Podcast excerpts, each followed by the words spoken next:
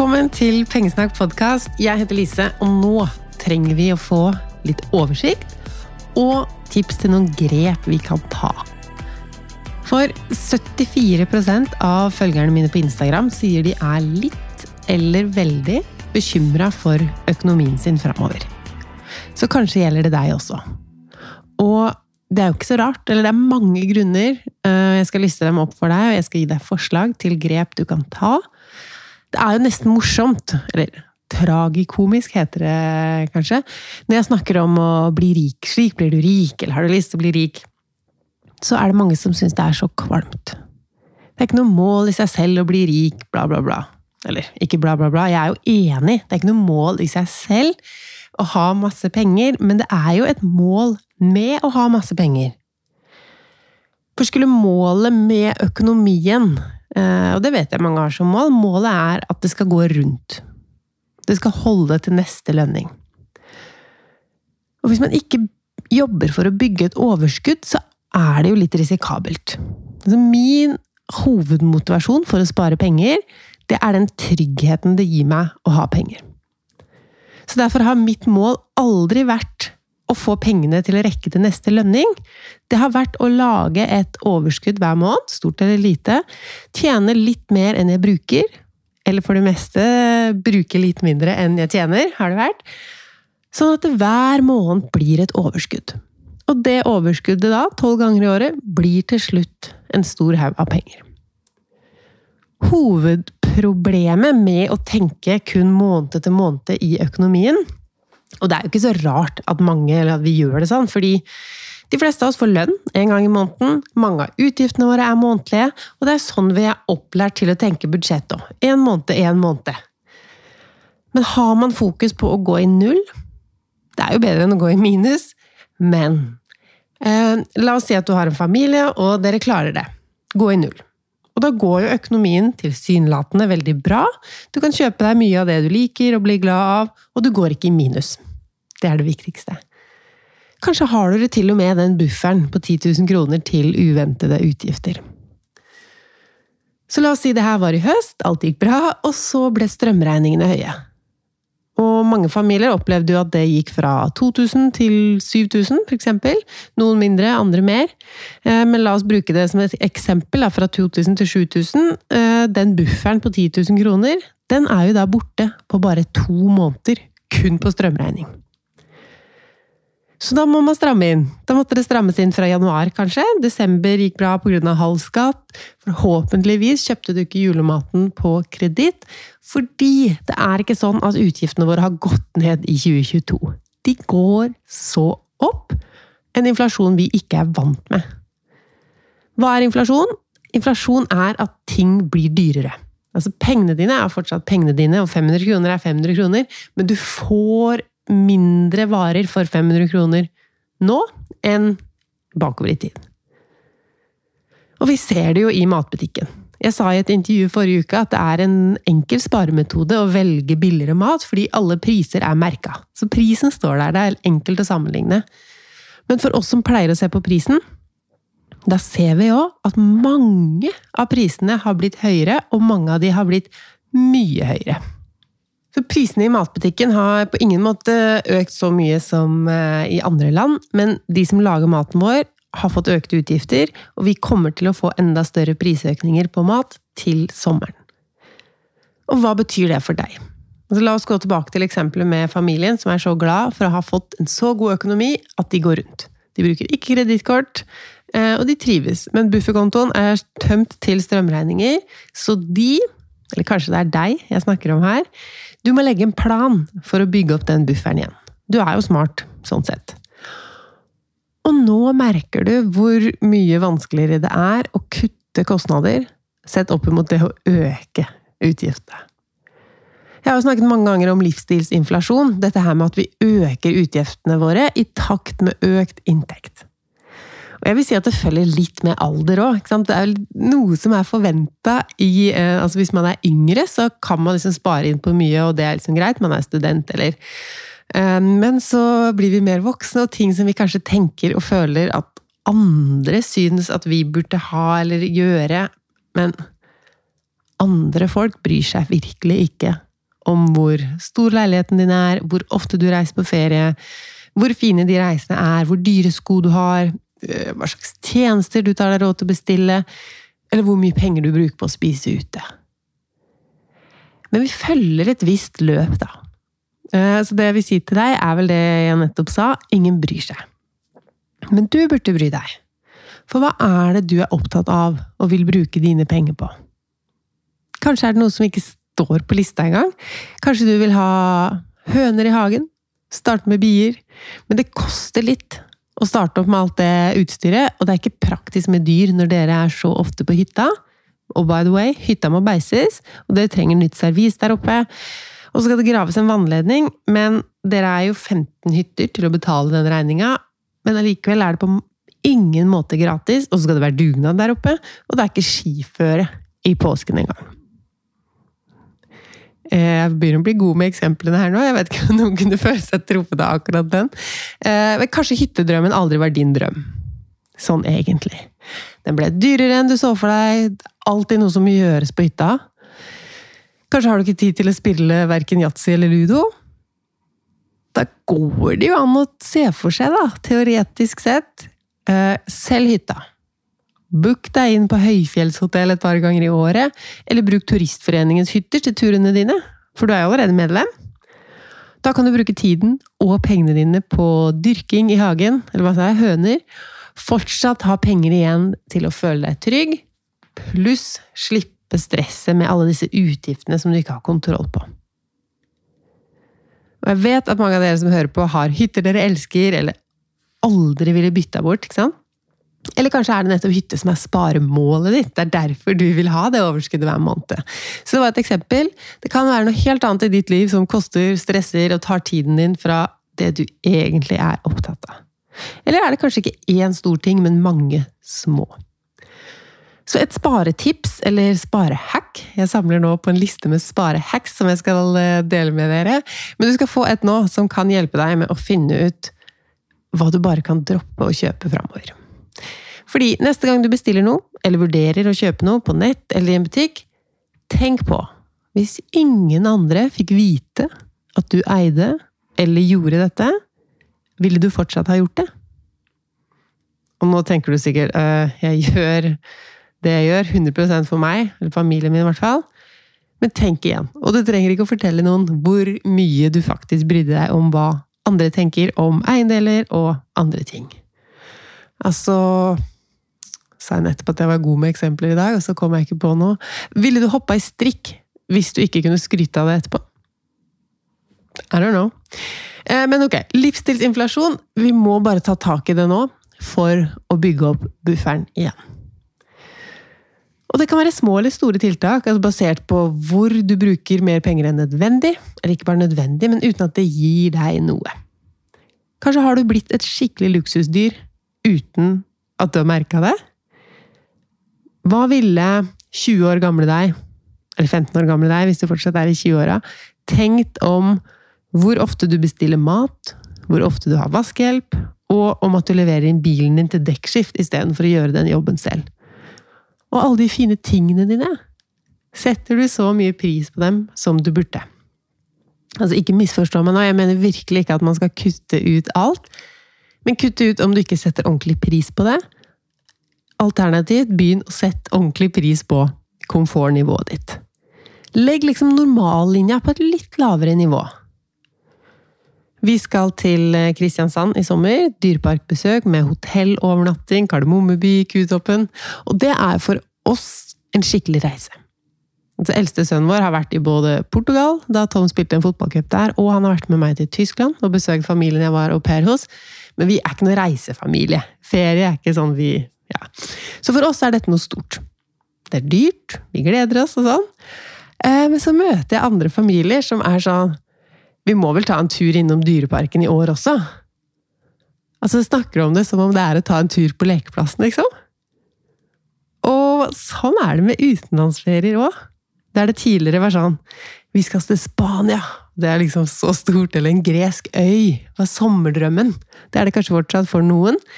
Men noen av dere har blitt så godt vant med alle mulighetene vi har. Kanskje ikke de siste par åra, men at det er sånn Sri Lanka, Dubai, Argentina og Bali som gjelder.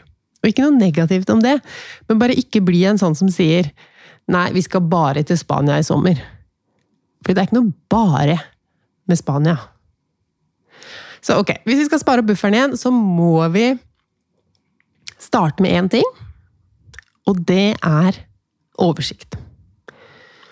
For kanskje er du en av dem som bekymrer deg for økonomien, men at du egentlig ikke har noen grunn til det, fordi du har gjort de rette tinga, du har et overskudd hver måned, du har en buffer. Det går greit, du trenger ikke å bekymre deg, for du har allerede lagt et bra grunnlag. Eller er du en av de som kanskje burde bekymre deg mer? Eller ikke at det hjelper å bekymre seg, men at vi må se på tallene. Vi må se på økonomien. Og jeg har laga et skjema til deg. Link til å skrive det ut gratis ligger i episodebeskrivelsen. Du kan helt fint skrive i et dokument på dataen, eller på et ark også. Det ble bare så mange punkter, så jeg lagde et skjema. Eh, steg én. Oppgave til deg. Du tenkte kanskje ikke at denne podkastepisoden skulle være fylt av oppgaver, men det er den altså. Og steg én er å få oversikt over hvor mye penger du, eller dere, eier. Hvor mye eier du? Og hvor mye skylder du? Altså Skylder du mer enn du eier, eller eier du mer enn du skylder? Dette er en fin øvelse for å se hvor man ligger an.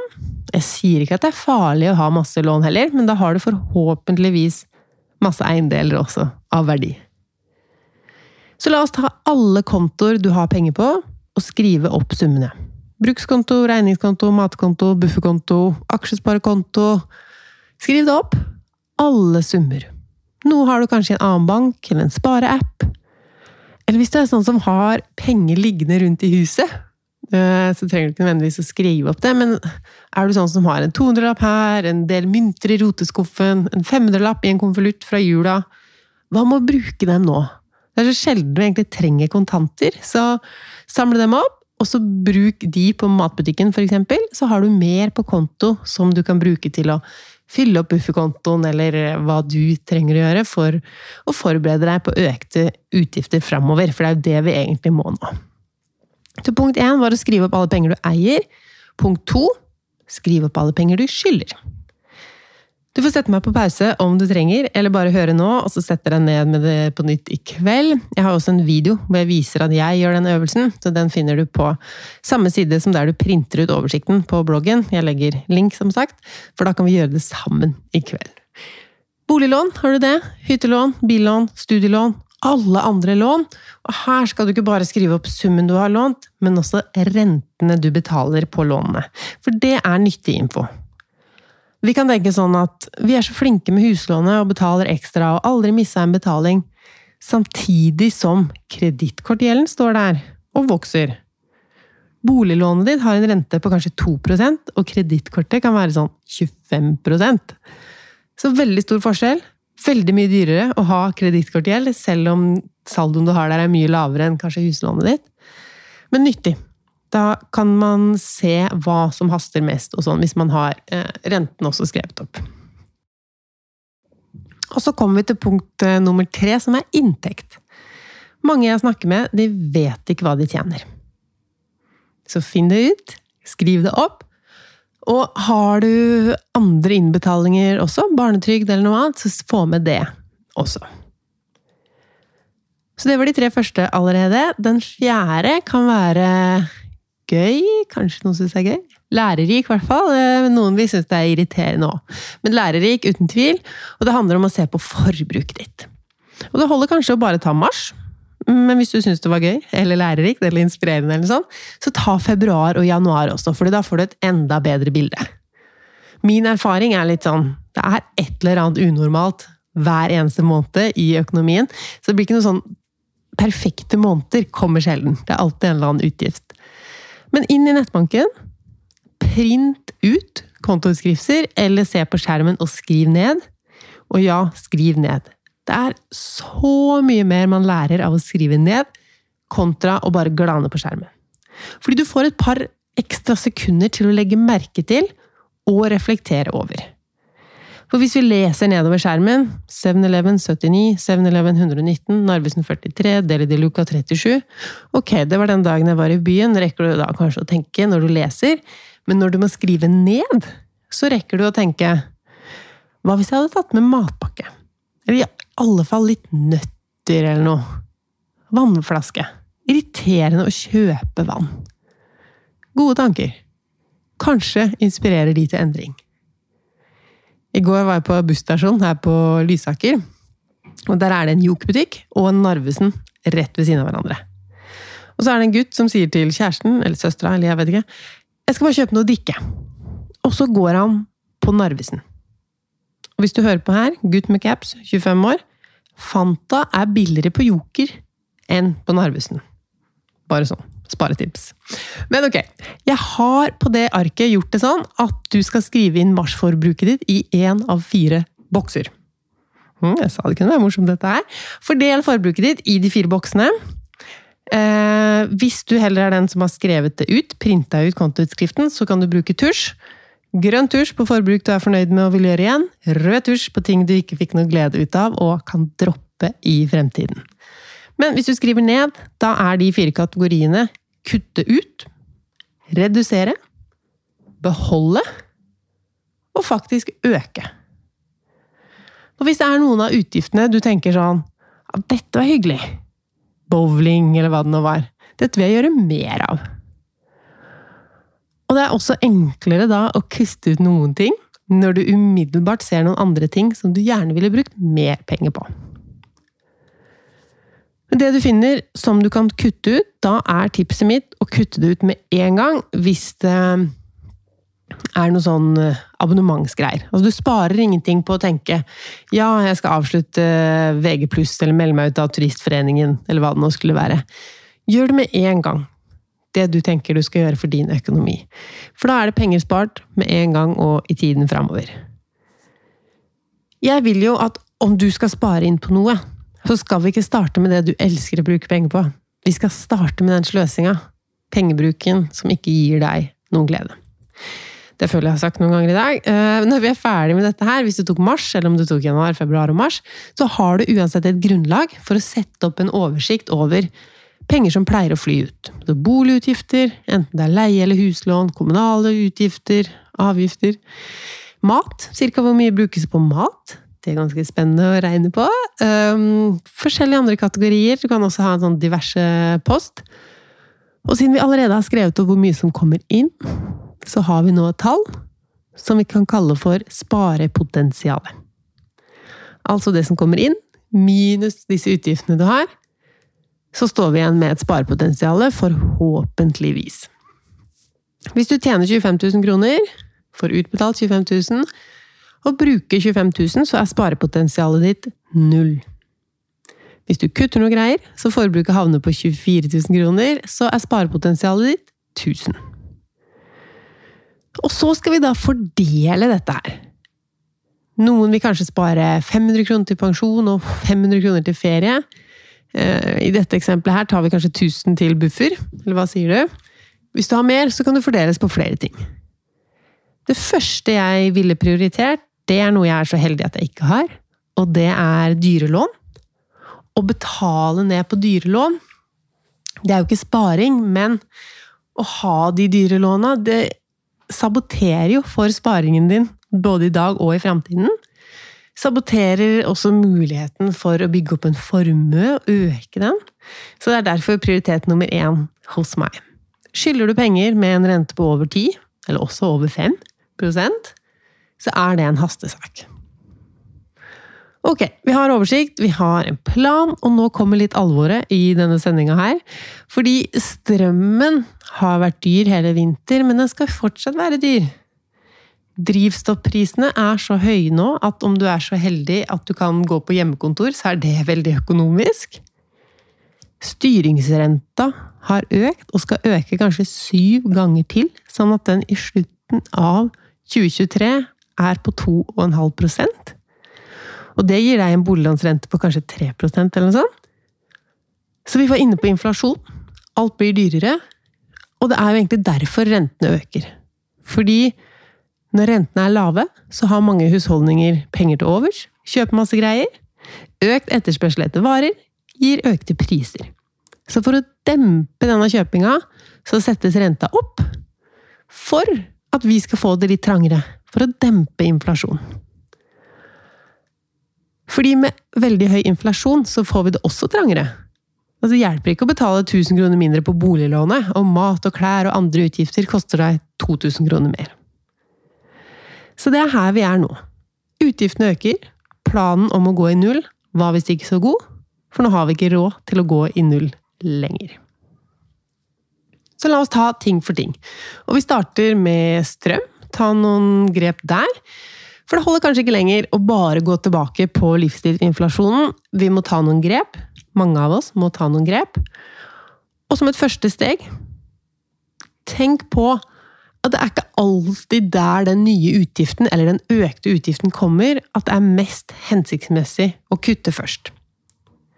Altså Hvis du er en familie som bor et sted der du må kjøre for å komme deg på jobb, du har tre sultne tenåringer i hus, et hus som er dårlig isolert, og tenåringer, som alle veit, de dusjer Og har du stort huslån, da kanskje? Du får ikke gjort noe heller med at investeringene i fondsmarkedet synker.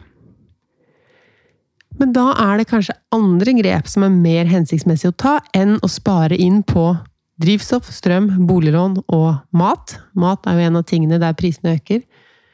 Men kanskje dere skal slutte å sløse penger på Hva skal vi finne på at de sløser på? Kanskje alle har hvert sitt sånn dyrt mobilabonnement, og at man kan bytte til en familieløsning? Eh, kanskje har de ulike TV-kanaler og abonnementer, men kan slå sammen sånn Spotify, Netflix og sånn til én familiekonto? Kanskje årets sommerferie blir billigere enn årene før, Rett og slett fordi det er mer digg å ikke måtte spare inn på hver eneste dusj og spise kjip mat, gå 45 minutter til jobb og skole én vei, alle sammen, for å spare på transport.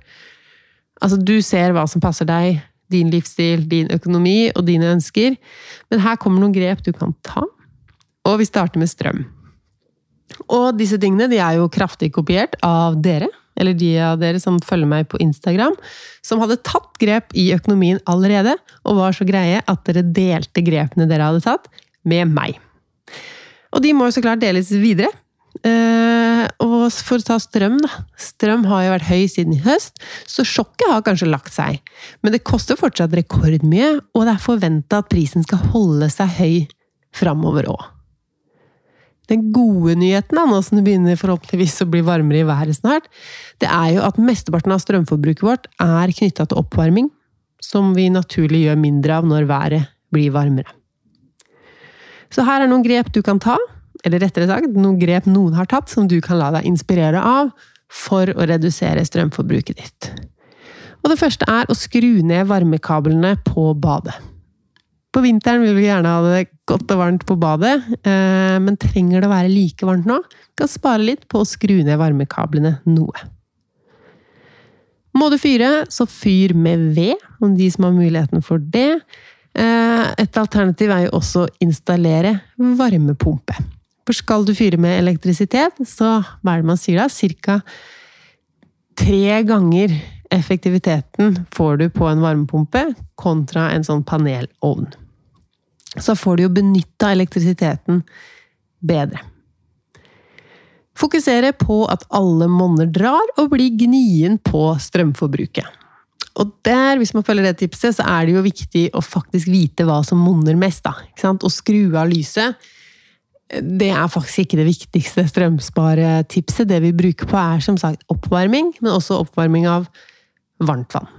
Men som de sier alle monner drar, så du kan godt bli gnien på alt. Um, investere i solcelleanlegg, er det noen som har skrevet. Det syns jeg er interessant å se mer på. Hva, hvor mye gir det, man, altså hvor stor er investeringa, og hvor mye kan man forvente å tjene inn på det etter hvert?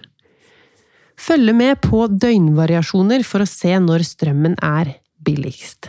Da er det jo mange selskaper som eh, har en app nå, hvor du faktisk kan se det. Eller så er det jo å følge med på Nordpool, er det vel det heter. Lade bilen om natta. Det tipset følger jo det forrige, at rett og slett prisen på strøm er lavere om natta enn om dagen. Dusje sent på kvelden. Det følger også samme type tips. Det man må huske på, da, er å ikke ikke kjøre tørketrommel og sånn om natta for å spare strøm, for det kan bli brannfarlig. Bruke tørketrommel mindre var neste tips, ja. Senke innetemperaturen. Og det kan jo være noe å huske på nå, hvis man har eh, satt på sånne smarte timer og sånn, som setter på varmen til et visst tidspunkt. Eh, trenger kanskje ikke det nå som våren, forhåpentligvis. Jeg, syns det er kaldt nå, men eh, våren kommer vel nå snart, og da følger med på at vi ikke varmer opp unødvendig mye. Bruk ullsokker inne når du fryser. Tren mer, så du kan dusje på treningssenteret. Mm, den eh, er jo bra for to ting. Eh, bo i Nord-Norge pga. lavere strømpriser. Den her kom det en liten eh, sånn kommentarfeltdiskusjon på at ja, du kan ha lavere strømpris i Nord-Norge, men f.eks. drivstoffutgiftene dine kan jo øke pga. større avstander. og sånn. Så det er mange ting inn i regnestykket. Jeg har tatt med alle grepene dere har tatt, selv om jeg tror ikke noen faktisk flytta til Nord-Norge, men de allerede bodde der. og nyter godt av lavere strømpris. Og så handler det jo om at selv om strømmen er dyr uansett leverandør nå, så er det viktig å være kjent med strømavtalen sin. Vurder å bytte om det er andre som tilbyr deg en lavere pris. Sjekk også den strømregningen for om det er noen sånne garantier, forsikringer, andre produkter du betaler for, men som du ikke trenger. Da er vi over på mat. Matvareprisene har jo ikke økt like mye her som ellers i verden, men de er på vei oppover. Jeg merka det. En del priser ble dyrere den første uka i februar. I juli er det varsla høyere priser igjen. Så disse grepene kan kanskje være noe å vurdere. Den første er å lage en matplan basert på hva som er på tilbud. Og en nummer to er å lage matplan basert på hva som finnes hjemme Det går helt fint å kombinere de to. ikke sant? Ta først kanskje se hva som er hjemme, og så hva som er på tilbud. Uansett kjempetips å lage planen for hva man skal spise mens man er hjemme, i ro og mak, ikke mens man er på butikken. Bruke Too Good To Go for billigere mat. Sette opp budsjett og gi seg selv en belønning de månedene man holder budsjettet. Kjøpe datovarer. Bake eget brød. Bruk handleliste på butikken. Velge billigere matvarer. Spise mer vegetarmat. Bli flinkere til å spise opp rester. Jeg holder på nå med en eh, matbudsjettendring. Jeg må perfeksjonere det litt mer før jeg deler med deg, men jeg har laget en film på YouTube med noen sånne tips, eller hva jeg ser etter på butikken. Altså, alle vet at det er lurt å se på prisen når man skal spare penger på mat, men hva skal du sammenligne med hva? Hva med å ikke bare sammenligne jordbærsyltetøy med jordbærsyltetøy, men se prisene på alle typer syltetøy? Kanskje liker du et billigere bær like godt og kan velge det? Eller sammenlign prisene på alle pålegg. Altså, har du tenkt på hvilken av dine brødskiver som koster mest?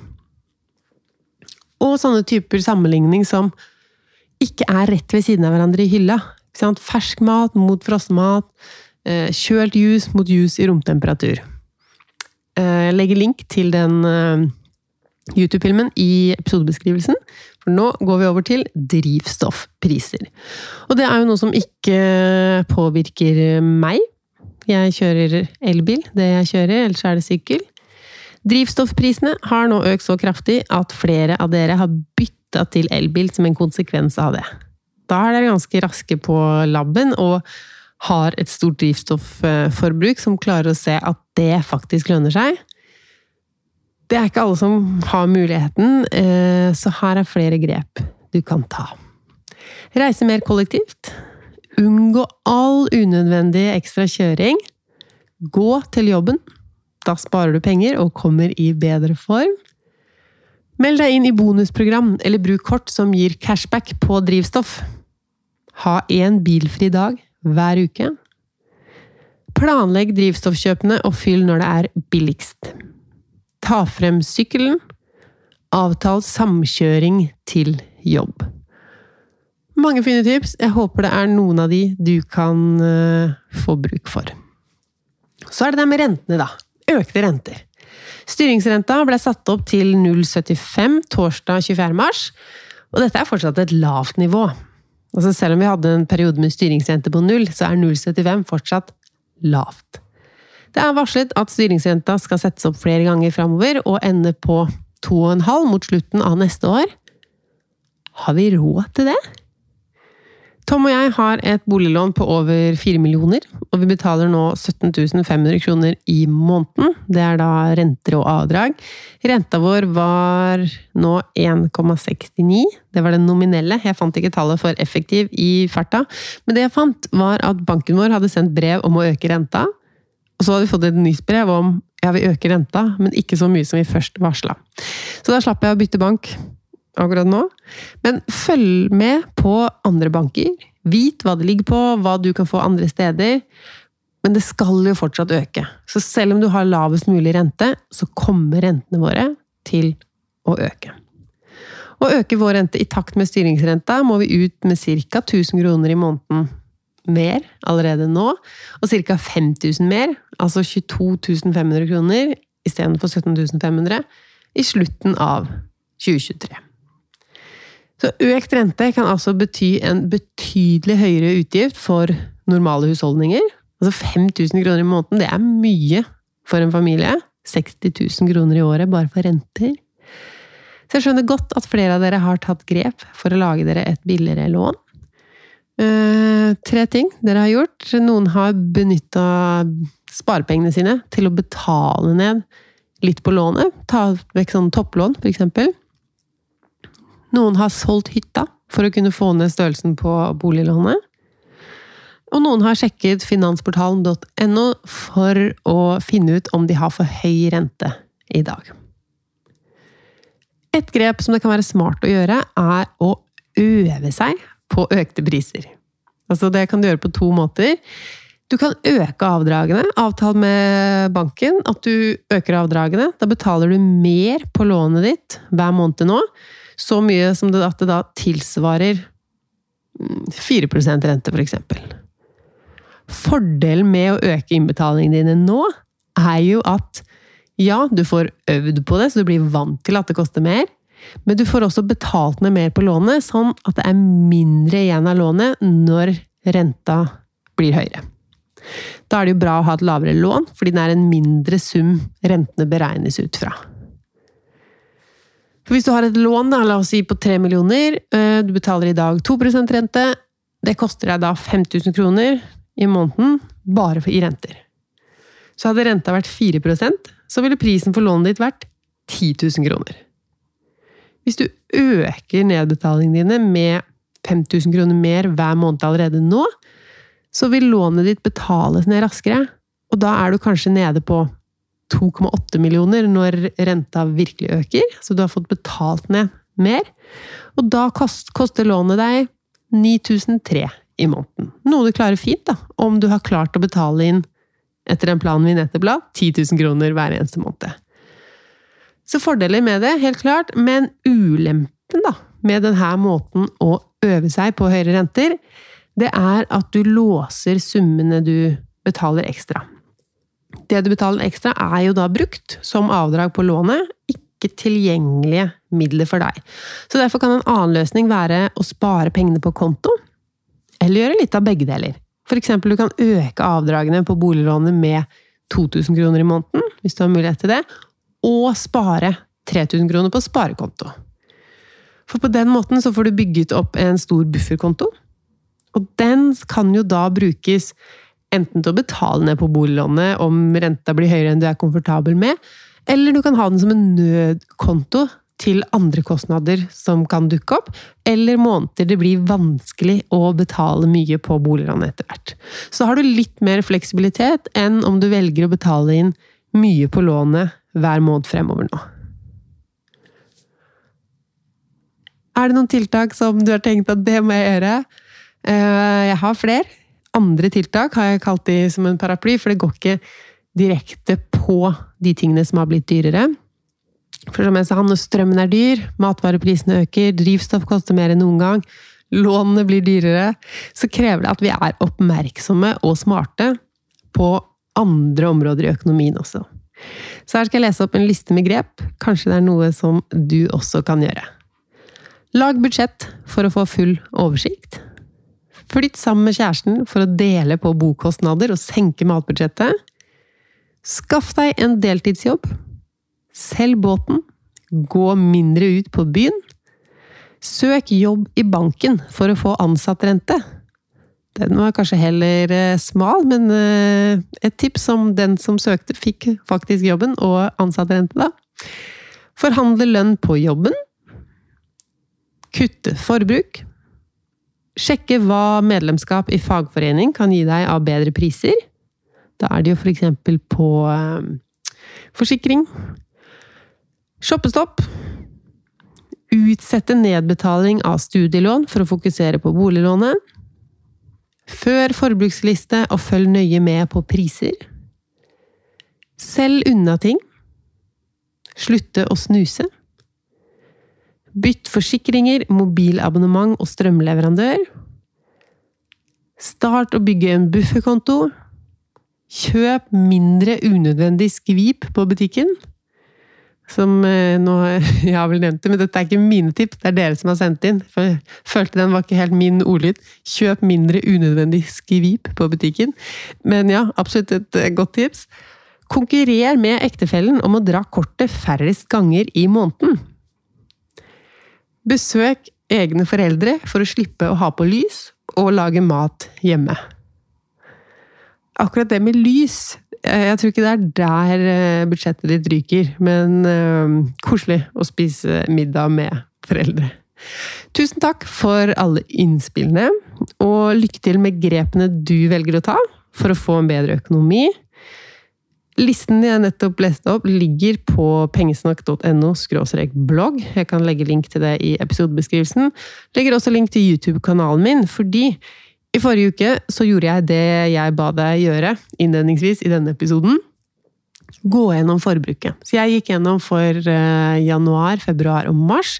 Jeg gikk også gjennom inntekt og sparing, og fant ut uh, at jeg har faktisk gått i minus i år. Så hvilke kategorier av forbruk som var bananas, det ligger på YouTube nå. Uh, ønsker deg en god uke. Lykke til med å få bedre oversikt. Det er verdifullt å ha den oversikten. Og lykke til med grepene du trenger eller ønsker å ta. Og god påske!